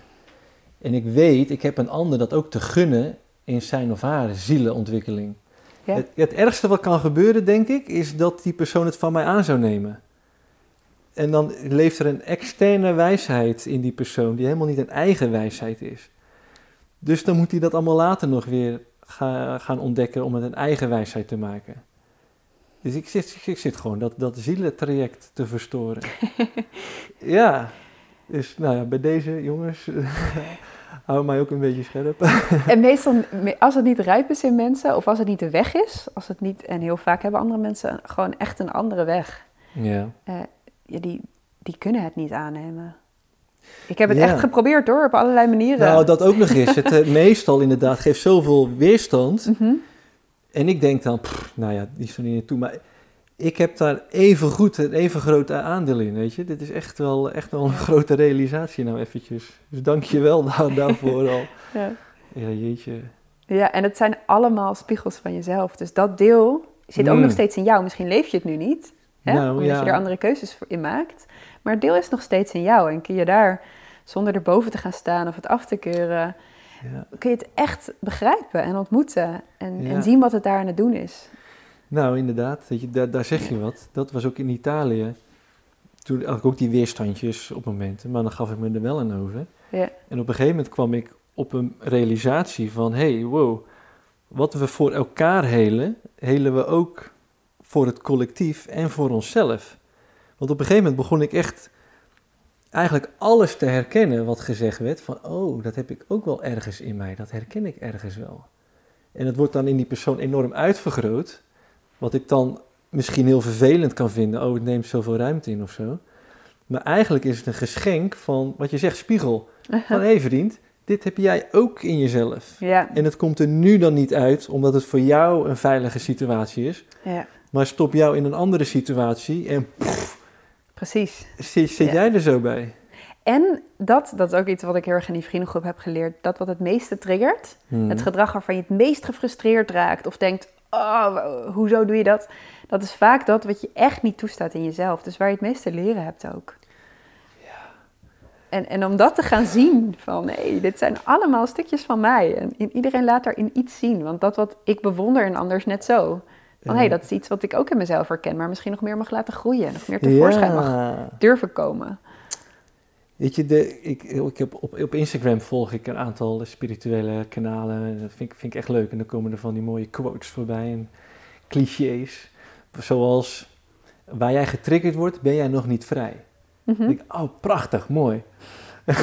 Weet je, maar dat, dat, ik moet telkens zo lachen om clichés, omdat ze zo super diep gaan. Ja. En die diepgang, die blijf ik maar herontdekken. Van poef, zo, nog dieper, wauw. Ja. Ja, ja en, in zo'n vriendengroep kan je er gewoon niet omheen. Hmm. Want ze kennen je goed genoeg om te zien dat als je getriggerd bent, dat je getriggerd bent. Ja, ja, de maskers werken niet. Ja. En je, je hebt die toewijding aan elkaar. Dus er zullen mensen ook vragen, hey, hoe gaat het? Of, of hun mening geven, of hun gevoel inbrengen. En ja, dus het is soms ook een snelkookpan. Nou, dat geloof ik. Ja. Nou, maar dit, dit zie ik ook als onderdeel van de dwaling, afdwaling van de buitenwereld. Weet je, we zijn van het stamleven zijn we naar het kuddeleven gegaan. Steden gaan wonen, grootschaligheid. Nou, in onze vorige podcast ook uit, uitgebreid over gehad. En in ons eerste boek, het artikel De Mensenmaat, eh, dat geeft hier aandacht aan hoe vrouwendiscriminatie is ontstaan vanwege het leven in grootschaligheid. Nou, allemaal razend fascinerend, weet je, wat voor gevolgen dat allemaal heeft. Maar ook dit, weet je, het is heel makkelijk om dingen uit de weg te gaan want mensen zijn vervangbaarder geworden. Ja. Je leeft niet meer met elkaar. Als iemand irritant wordt, ja, nou ja, dan ga je toch naar uh, iemand een blok verder. Ja. Of met de telefoon, dan bel je toch iemand anders. Of met Tinder, uh, volgende. Weet je, het is allemaal een kaartenbak uh, vervangbaar geworden. Waarmee we juist dit soort kwaliteiten van relateren kwijt zijn geraakt. Ja. Maar ja, hoe gaan we dit faciliteren nu we nog in de grootschaligheid leven? Hoe gaan we die transitie maken? Heb je daar een idee bij? Ja, ik doe het zelf niet alleen in deze vriendengroep, maar in heel veel verschillende vormen. Uh, ja, heb ik structuren voor mezelf, vormen voor mezelf uh, gecreëerd of erbij aangesloten ja. die dit faciliteren. Dus in die zin hoeft het niet eens in een vriendengroep te zijn, dan zou ik het iedereen aanraden, omdat het ook gewoon heel erg leuk is. Mm -hmm. maar ik heb bijvoorbeeld ook met mijn werk ja. met IFS, um, ehm, Internal Family Systems, hebben we met een groepje. Daar nog met je over hebben, ja. Ja, daar hebben we een, een, een groep waar we dialogen mee doen. En dialoog is eigenlijk ook weer zo'n soort vorm om met elkaar in waarheid te verdiepen. Dus dan zetten we bijvoorbeeld een wekker op twee uur. Ja. We komen zo één keer in de maand samen. En dan deel je wat er in dat moment in je omgaat. En uh, als je weer klaar bent met delen, zet je de steen weer in het midden. Dus je hebt zo'n zo'n talking stick. Ja. En dan kan iemand anders het pakken. En eigenlijk ontstaat er dan op een gegeven moment een thema. Iets wat er in de groep leeft. Mhm. En uh, zo verdiep je eigenlijk met elkaar zonder dat het. Uh, het kan ook zijn dat er een conflict is hè, en dat dat iets is wat op deze manier besproken wordt. Dan heb je een klankschaal in het midden staan of een belletje. Als je merkt van hé, hey, ik kan niet meer luisteren, mijn grenzen gaan dicht. Dan sla je erop en zolang dat die klankschaal duurt, blijf je eigenlijk uh, stil met elkaar zodat je niet in reactie, reactieve patronen gaat. Mooi. Ja. En ik merk van dat is een vorm wat ook eigenlijk voor dezelfde soort uh, veiligheid zorgt. Want je bent namelijk, je leert om echt te luisteren naar elkaar. Ja, ja. En verschillen te integreren. Door, eigenlijk meestal zijn we geneigd in een gesprek om als iemand iets zegt, eigenlijk al je reactie klaar te hebben. Dus bijna al niet meer te luisteren. En er iemand anders te willen overtuigen. Ja jouw perspectief op de zaak te willen geven. En dit is omdat het vertraging brengt. Ja. Is het echt een oefening en echt innemen wat een ander zegt. Echt het perspectief van de ander horen. Nou, dit was ook een van de triggers die ik had in onze sharing met onze groep laatst. Ja. Dat sprak ik toen ook uit van... Ik heb het gevoel dat je luistert om te reageren in plaats van dat je luistert om te begrijpen. Ja. Het eerste wat jou triggert, daar ga jij dan straks iets op, op vertellen. Ja. En uh, de rest luister je al niet eens meer zo. denk, ja, weet je, zo gaan we wel voorbij aan de hele rijkdom van wat iemand te brengen heeft in zijn woorden. Weet je, laat dat eens tot je, tot je komen. Ja, en, en als je vraagt van hoe zou je dat kunnen creëren in deze maatschappij, dan denk ik dus uh, mensen vinden die dit ook willen. Ja. want mensen moeten het willen. Dat is denk ik stap één. En twee is vormen eh, en er zijn echt veel vormen en ik heb heel veel mogen uitproberen, vormen en structuren inbrengen ehm, die dat mogelijk maken. Die dus eigenlijk een soort van de veiligheid scheppen om met elkaar deze manier van elkaar ontmoeten en echt luisteren en elkaar leren begrijpen en daarmee dus tot die diepere verbinding komen te faciliteren. Ja, en ik denk ook dat het niet iets binairs is van of je wilt het wel of je wilt het niet. Ik denk eigenlijk dat letterlijk ieder mens dit wil, alleen tot op welke hoogte. Hoe, ja. hoe diep wil je, want ik denk dat iedereen zichzelf wil bevrijden van neerwaartse patronen. Iedereen herkent dat wel. Van ja, ik blijf dezelfde dingen doen, blijf tegen dezelfde dingen aanlopen. Maar de manier waarop, ja, dat, dat verschilt per persoon waar je toe bereid bent. Ja, en voor de ene is het zijn in een vriendengroep zonder dat je je direct uitspreekt en open en eerlijk bent genoeg. Ja, is het voelen van we zijn, we zijn hier met elkaar en we beleven gezelligheid. Dat is voor iemand misschien voedend genoeg. En voor een ander, die wil naar die, naar diepere laag. En ik denk wel dat daar inderdaad je, je gelijkgestemde in vinden heel behulpzaam kan zijn. Van willen we allemaal naar die laag. En dat hoeft niet voor iedereen even makkelijk te zijn. Want ook in de vriendengroep merk ik, voor de een is dat echt een verademing. En voor de ander is het echt wel een triggerveld. Ja, ja. Dus dat is niet gelijk in de zin van... Hè, voor de ene is de vakantie echt een oplaadmoment en een intens genieten. En voor de ander is het echt wel een, een uitdagend terrein. Waar natuurlijk ook plezier is, maar mm-hmm. eh, waar meer triggers liggen. Dus ik denk dat dat niet gelijkaardig hoeft te zijn, maar wel het feit dat je daar allemaal zegt: ja, maar dit wil ik. Ja, ja, hier, ja. hier stap ik in, hier zeg ik ja tegen. Precies. En dus ook in met deze vormen kan ik, me, kan ik me aan toewijden, kan ik me aan committeren. Ja. Dat is behulpzaam. Ja. En ik, ik zie jou nou, weet je, jij hebt eigenlijk wel je, behoorlijk je, je hele professionele leven aan dit soort dingen toegewijd. Psychologen en internal family systems. Eh, is de rest van de groep ook zo?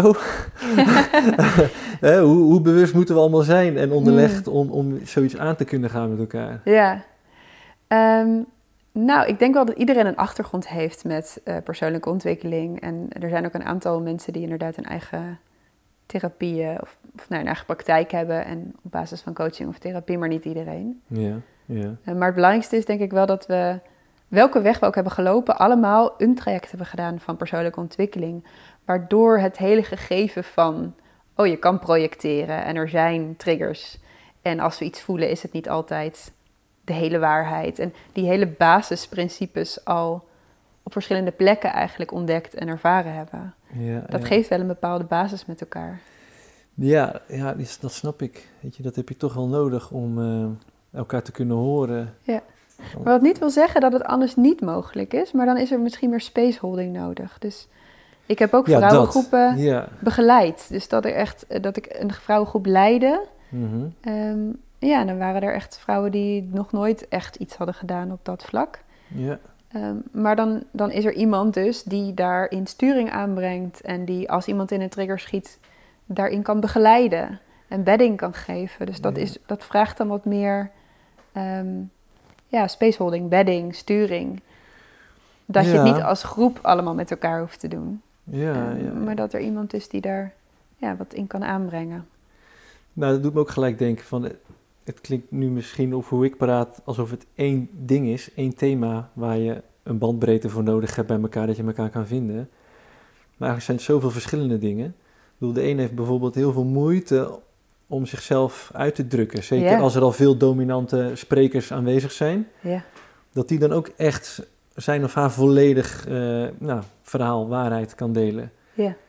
Um, waar een ander juist weer uh, het thema heeft moeite op uh, begrenzen bijvoorbeeld. Ja.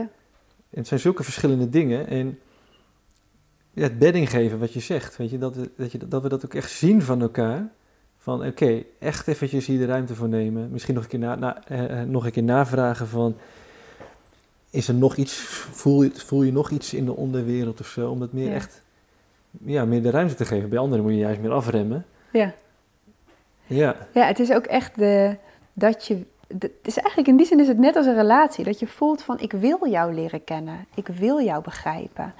En, ik, en ik ga ervan uit dat dat wat jij te brengen hebt, of je nou goed met woorden bent of niet, of je nou je gevoelens kan uitdrukken of niet. Maar dat, dat, ik, dat ik jou wil ontmoeten. Mhm. Die openheid en die nieuwsgierigheid, die geeft dan bepaalde veiligheid eigenlijk.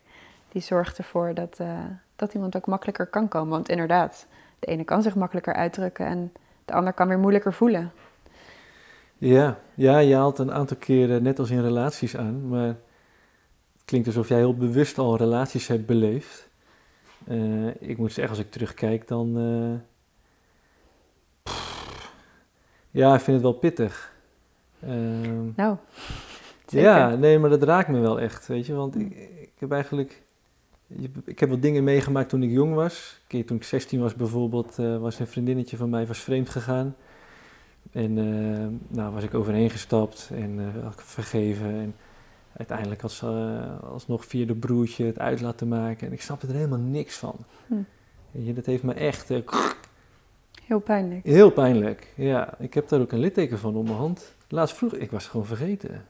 Nou, dat komt nu even terug. Ja, Ik had toen een glas kapot geknepen van, van, van, van boosheid. ja. Weet je, en ehm, ja, ik heb ook echt een verhoogde hartslag nou. Soms zit ik dingen te vertellen dat ik denk, jeetje. Maar goed, het ontstaat niet voor niks. Ehm, weet je, eigenlijk ben ik sindsdien steeds mensen gaan kiezen waar ik me veiliger bij voel. Waar, waar ik een soort controle over voel. ja, Ergens energetisch van, dat gaat me hier niet nog een keer gebeuren. ja. Dus ik, ik initieerde al een soort ongelijkwaardigheid. Ehm, en dan, ik was toen een aantal jaren later, hoe oud was ik? Jaar of twintig toen geloof ik. Toen was ik hier volgens mij, voor mijn gevoel wel weer aardig bovenop. Ik voelde me echt wel weer vrij. En toen gebeurde weer zoiets. Ehm, en ik merk dat ik daar eigenlijk van echt, echt heb weg zitten kijken. Als ik over dit soort dingen praat, wijs ik altijd naar toen ik 16 was. ja. Maar eigenlijk die van toen ik 20 was, is eigenlijk nog hetgeen waar ik eh, misschien nog wel meer naar te kijken heb. En waar Hm. ik nu pas echt bewust van word. Hoe, op wat een ongelijkwaardige basis ik eigenlijk in het diepste fundament al een, een relatie in heb gestoken. Om pijn te vermijden eigenlijk. Ja, echt om pijn te vermijden. Ja. En alles wat erop gebeurt, zal nooit volledig te begrijpen zijn en volledig kloppend voelen. En, en, en dat heeft zich geuit ja, in de grootste discussies. Waar ik eh, voor mijn gevoel eh, volledig aan het juiste eind zat natuurlijk. Anders zou ik het wel anders doen. Ja. Maar die ander ook, die zat voor haar gevoel ook volledig aan het juiste eind. Anders had, had, had zij het wel anders gedaan. Ja. En ik heb dat nooit eh, helemaal begrepen. En ik ben er nu pas echt aan het uitstappen. En nu, het is echt ook te bizar voor woorden hoe, wat een timing alles heeft. Maar nu ben ik iemand opnieuw aan het ontmoeten. Hier helemaal bewust van zijnde. ja. Ja, ook doodeng. Maar ook super Zo eng. Ja. ja. maar ook super bekrachtigend en bevrijdend. Dat ik soms wel kan juichen van wat ik aan het doen ben. Mm. En ook al zou het nu zeg maar stoppen, zou ik alsnog zo dankbaar zijn. Weet je, dat Ja. ik dit eventjes zo heb kunnen voelen. Dat het samen kan bruisen, echt in gelijkwaardigheid. Ja. Ja, Ja, en dat is, dat is durf je te blijven.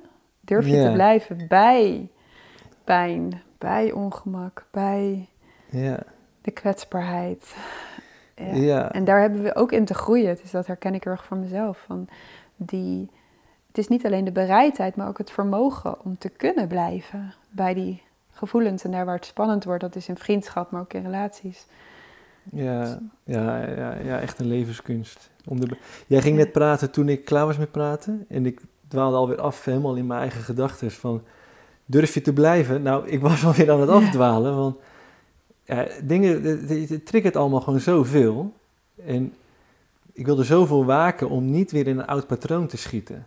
Weet je, want dan ga ik heel charmant doen en heel eh, het hof maken. En eh, om die controle te houden. Ja, En het, ja, op een gegeven moment zei ook een, eh, nou, iemand waar ik toen een relatie mee had van... Ergens is het best wel bizar dat jij al je relaties hebt verbroken. Dat het nooit andersom geweest is daarna. Ja.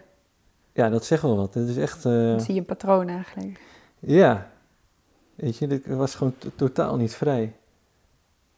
Ja, en dit is Mm. zo waar Internal Family Systems ook over gaat. Van zie de delen in jezelf. Bijvoorbeeld het deel wat dan de controle probeert te behouden door. Bepaalde maniertjes. Mhm. En kijk of je dat deel echt, het is eigenlijk net als dat je dat in zo'n vriendengroep doet. Hè? Kijk of je dat deel dus niet kan uit je systeem gooien of, of zeggen jij bent stom en ik heb niks aan je. Of het dat het je helemaal overneemt en, en het vervolgens helemaal zijn eigen leven gaat leiden. Maar het echt te zien van hé, hey, dit is wat er aan het gebeuren is en wat is de goede intentie van dit deel. Het echt te gaan begrijpen wat het daar voor je aan het doen is. Ja, aan het veiligstellen. En als je dat begrip echt kan voelen, Mhm. En kan laten weten eigenlijk van hé, hey, ik ben nu volwassen en, en de veiligheid zit nu, zit nu hier in mezelf. Ja. Dan heb je weer andere mogelijkheden om bijvoorbeeld te communiceren van oh, ik vind het echt heel spannend om zo echt met je te zijn. Of ik voel kwetsbaarheid. Of Ja. hey, ik heb de aanname dat je dit van mij veroordeelt. Klopt dat? En dan heb je weer mogelijkheden eigenlijk om het op een andere manier in contact te brengen. Ja, en zo dan ook weer eng van, kan die ander dat wel aanhoren? Of, Uh-huh. of word ik dan afgewezen? Ja. Maar ja, dan, weet je, maar het zijn allemaal dingetjes om doorheen te gaan. Want daarna voel ik weer van, ja, als die ander het niet kan aanhoren, is dit gewoon echt niet de juiste partner Precies. voor mij. Ja. En, En- liever kom ik daar nu achter, Ja. dan, ah, na jaren of drama en dingen. En Mhm. ja, weet je, Ja. ja. Ja, en dat is het paradigma shift, hè? Van Ja, dat, dat het niet gaat over ik moet jou in eerste instantie behouden, Ja, maar dat het gaat over in eerste instantie heb ik de relatie met mezelf daar waarachtig in te zijn en dan te kijken hoe dit zich ontvouwt. Als ik waarachtig ben, hoe ontvouwt dit zich dan? Wat wordt het dan? ja. En dat, dat hebben we dan niet in de hand. Dat is zo spannend. Nou, dat kan wel de titel van deze podcast worden, het paradigma shift. Want dat is het, dat voel ik ook echt zo. Weet je, ik heb zoveel verlangens in mij, weet je. Ik, eh, ik heb ook een soort weet in mij van, op een dag zie ik echt een gezin voor me. En ik ben altijd echt leuk geweest met kinderen, ja, gewoon echt een leuke dynamiek en interactie. En dat zeggen mensen ook tegen me, oh, je zou echt een leuke vader zijn. Weet ik. en je, dat soort dingen spelen dan ook mee van, ik wil ook dat het een succes wordt, ik wil ook dat het Mhm. slaagt. Maar door dat willen ga ik juist voorbij aan de kern wat het een succes kan maken. En dat is zo'n paradox van, poef, jeetje, mina. Ja, Ja, wat een En- kunst, hè? en da- daar komt dus echt de pure zelfliefde bij kijken. Weet je, wat stel je bovenaan? Ja. En eigenlijk wil ik er nog één ding eh, daar nog boven zetten. En dat is de liefde voor het geheel, voor het bestaan. Ja. Daar, daar kom ik telkens op uit. Het gaat niet eens zozeer om zelfliefde, maar liefde voor God, de schepper, Ja. de Wakantanka, die ook in ons leeft Ja. die eigenlijk geen naam te geven is. En zonder dat, ja, ik, dan voelt mijzelf eh, failliet. En dat klinkt groots, maar zo voelt het echt voor mij. En, en ik heb een krachtig ego, ik kan manifesteren en ik ben trots op mezelf, ben blij met mezelf. Maar uiteindelijk, zonder dat allesomvattende, voel ik mezelf failliet. Echt op een doodlopende straat, eh, verloren, zoekende, machteloos uiteindelijk. Ja. Ja. Ja. Ja, in Internal Family Systems noemen ze dat zelf, met een hoofdletter Z. We hebben zelf en we hebben onze delen. En onze delen, dat vormt onze persoonlijkheid. Ja. En onszelf is dat, ja, wat je zoveel namen kan geven eigenlijk, hè? Ja, wat we ook zijn. En, en het een kan niet los van het ander. Dus we- eigenlijk is er een, een zelfleiderschap is waar je naartoe kan bewegen. En dat is dat zelf, ja, ja. je vrije zelf, eigenlijk eh, kan gaan samenwerken. De leiding kan, kan hebben over al je delen. En dat is dus niet gestuurd. Nee. Zo horen mensen het vaak, hè? dat je leiding neemt als in dat je de manager bent. Maar het is eigenlijk als je helemaal waarachtig in het moment bent en dan voelt wat al die delen van je die iets proberen te bereiken in het contact of proberen te, om die te horen wat ze aan het doen zijn voor je. En te laten vallen in een groter geheel eigenlijk, waar er al veiligheid is, los van of je iets doet. Ja, ja. En kan je dan bewegen. Aho. ja, ja, echt een levenskunst. Echt een levenskunst, ja, ik zit er ook volop in. Ja, maar ja, dat is wel echt het pad. Dat was ook een ding wat we in Italië beseften. Het gaat helemaal niet om naar welk restaurant we gaan. Het gaat niet om op welk dagdeel we een bootje gaan huren om te varen op het meer. Nee, Dat zijn allemaal vehicles om onszelf te bevrijden. ja, Weet je, en dat is eh, ook zo die paradigm shift van... Laat het maar los wat je allemaal voor elkaar probeert te krijgen. Weet je, probeer eerst maar eens echt, echt het zelf te, te leren kennen en, eh, en te bevrijden. ja, Maar dat is zo'n andere manier van leven en relateren met elkaar. ja, Dat haalt ook zo die manipulatiedrang er bij mij vanaf. ik wil dan bootje varen naar dat Mhm. restaurant. Maar hé, hey, wat voel ik nou joh? Ja. Ja, ja, en ook niet in de valkuil te stappen van... het maakt eigenlijk allemaal niks uit. En doe maar gewoon. Want dan ben je weer je menselijke vorm aan het negeren. Dus ja dankjewel je- dat je dat toch toevoegt. Ja, kan je en je verlangen waar laten zijn en de uitkomst loslaten. Dat is volgens mij de kunst. Ja, ja, En dan met elkaar te kijken, hé, hey, we zijn allemaal een onderdeel van, van het goddelijke van dit moment. ja, En, en zullen we nieuwsgierig zijn welke uitkomst eruit komt als we onze kaarten op tafel leggen? ja, En dat is het spel waar je echt van Ja. kan gaan genieten. Waar ik ook merk van, dan is heling dus niet meer iets zwaars. En iets, iets ja, waar je naar kan kijken als werk. Mhm. Maar dan is het echt iets, iets heel blijs en vreugdevols. Juist. Van hé, hey, we komen tevoorschijn met elkaar. Ja, en dan ontstaat ja. die magie. Van, we weten niet wat er gaat gebeuren, maar het ontstaat. We lopen op ons pad van innerlijke bevrijding. Ja, en, En dat voelt dan ook heel vrij. Ja. Ja, wauw. Ja.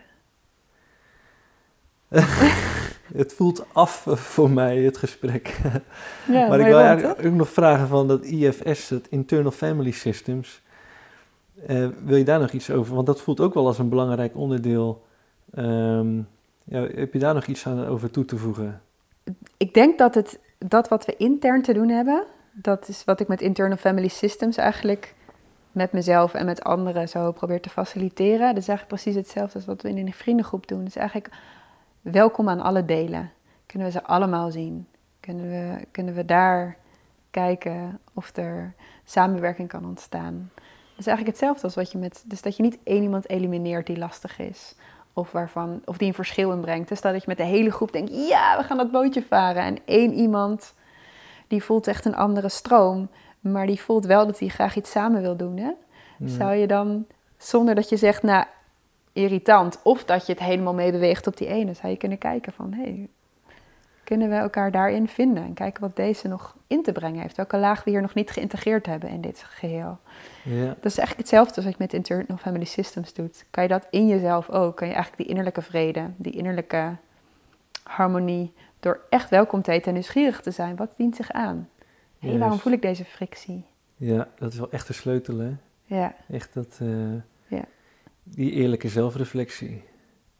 Ja, niet eh, aan voorbij gaan.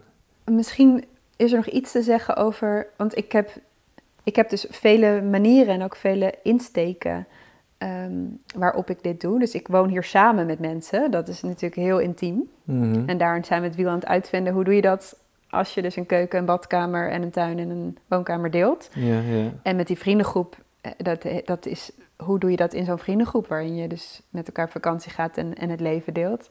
Maar ik heb ook mijn, mijn vrouwengroep en ik heb ook het op werkterrein. Dus ik heb het op zo op verschillende lagen, zeg maar. Eh, ja. En ik kan me voorstellen dat niet voor iedereen een vriendengroep al gelijk de eerste stap is. Ja, maar misschien is een andere laag de eerste stap. En authentic relating doe je dat in een workshop setting. Dus dan doe je het met onbekenden, maar voor één dag of voor een weekend. Maar ga je hetzelfde ook oefenen? Van hoe kan je jezelf waarachtig inbrengen? En... Dus daar moet ik nog even aan denken, van dat je die verschillende lagen hebt. ja. Ja, dankjewel Roos. Hmm. Echt, eh, ik had ook geen vragenlijstje bij me. Dat eh, doe ik al een tijdje niet meer. Om echt ook gehoor te geven aan wat wil er ontstaan uit het moment. In plaats van een bepaalde structuur volgen en, en daarmee bezig zijn. Maar veel meer te kunnen voelen. En eh, nou, dat gebeurde ook wel eventjes, een paar keer. Hmm. Ja, super leerzaam. Echt. Ik ben blij dat we hierheen zijn gegaan om, om dit gesprek aan te gaan.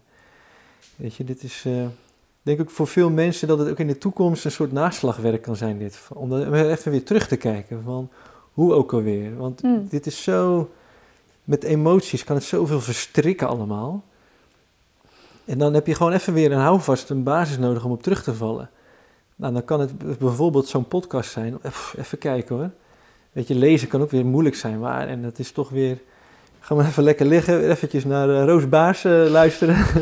Hoe ook alweer. Dan, oh ja, oh ja, oh ja, oh ja. Even thuiskomen. Of samen met de groep kijken. Van ja. Nou ja, goed, vul het maar in. Maar dat is ook natuurlijk eh, onderdeel van het verhaal. Zelf blijven invoelen wat, waar behoefte aan is. Weet je, en dat blijven uitspreken, dat blijven delen. Ja. Ja, te gek. Echt onszelf opnieuw uitvinden. Gesteund door alle ancient wisdoms, gesteund door methodes als eh, internal family systems, allemaal methodes, maar uiteindelijk gaat het om echt te leven en echt volledig te kunnen zijn met wat er is. ja, fijn hè, dat we daar eigenlijk zo'n gedeeld verlangen in hebben allemaal. Ja, En als je dat kan ontmoeten in elkaar. ja, en als je dat ook weet van elkaar, weet je, dat- dat echt, dat dat je je mensbeeld is, dan weet je gewoon, ik, ik hoef nooit boos te zijn op iemand, ik hoef geen verwijten te maken. Weet je, het heeft alleen maar ruimte en bedding nodig en het vindt dan zijn weg wel. En ik zit zelf zo vaak die ruimte en bedding te verstoren, omdat ik vind dat het al veel Ja, wij allemaal. Ja, ja, ja. Komt ook uit liefde natuurlijk, hè? Ja. Absoluut. Ik, Ja. ik heb echt de beste intenties, eh, mogen dat duidelijk zijn. Maar ik heb ook mijn onbekwaamheden en Ja. mijn blinde vlekken en mijn oude patronen en zo. Ja, en als je dat, iemand zou ooit zeggen, maar alles is een uiting van liefde of een roep om liefde. Ja, mooi. Als je dat echt kan gaan zien, Ja. ja. Nou, dat zou ook weer een titel kunnen zijn eh, Ja. voor dit gesprek. Eigenlijk had ik de titel al bedacht, dat doen we eigenlijk nooit van tevoren, maar hoe bouw je je tribe? Ja. En ik denk dat dat wel eh, ook mooi naar voren is gekomen, de echte essentie, de kern daarvan. Weet je, los van in welk huis of wat voor moestuin, weet je, dat is allemaal secundair. Het primaire proces voelt voor mij echt dit. Hier staat of valt het bij. ja. Ja. Tof. Nou, te gek. Dankjewel. Jij ook. Nou, beste kijkers, ik hoop dat jullie ervan hebben genoten. Ik wel, zoals je hebt gezien. Eh, fijn dat jullie nu nog steeds zo kijken. Ik wil even een extra oproep doen. Eh, we hebben het idee dat er een shadow ban zit op ons YouTube-kanaal en we niet zo vaak meer gesuggereerd worden bij anderen. We zien te gekke reacties voorbij komen. En vorig jaar betekende dat dan een x aantal eh, views. Nou, we doen het niet voor de views, maar we zien wel, hey, onze impact wordt beperkt van, door buitenaf. Dus we willen een extra oproep doen om het te delen met je naasten, je vrienden, je community, je tribe eh, members, noem maar op. Ehm, nou, schrijf je ook in voor onze nieuwsbrief op onze website tijdboeklumens.nl. In die nieuwsbrief word je op de hoogte gehouden van nieuwe verhalen, inzichten, evenementen, events, bijeenkomsten, eh, leuke weetjes, nou noem maar op. Leef je uit. Ehm, en dat was het denk ik wel. Oké, tot de volgende keer. Tot ziens.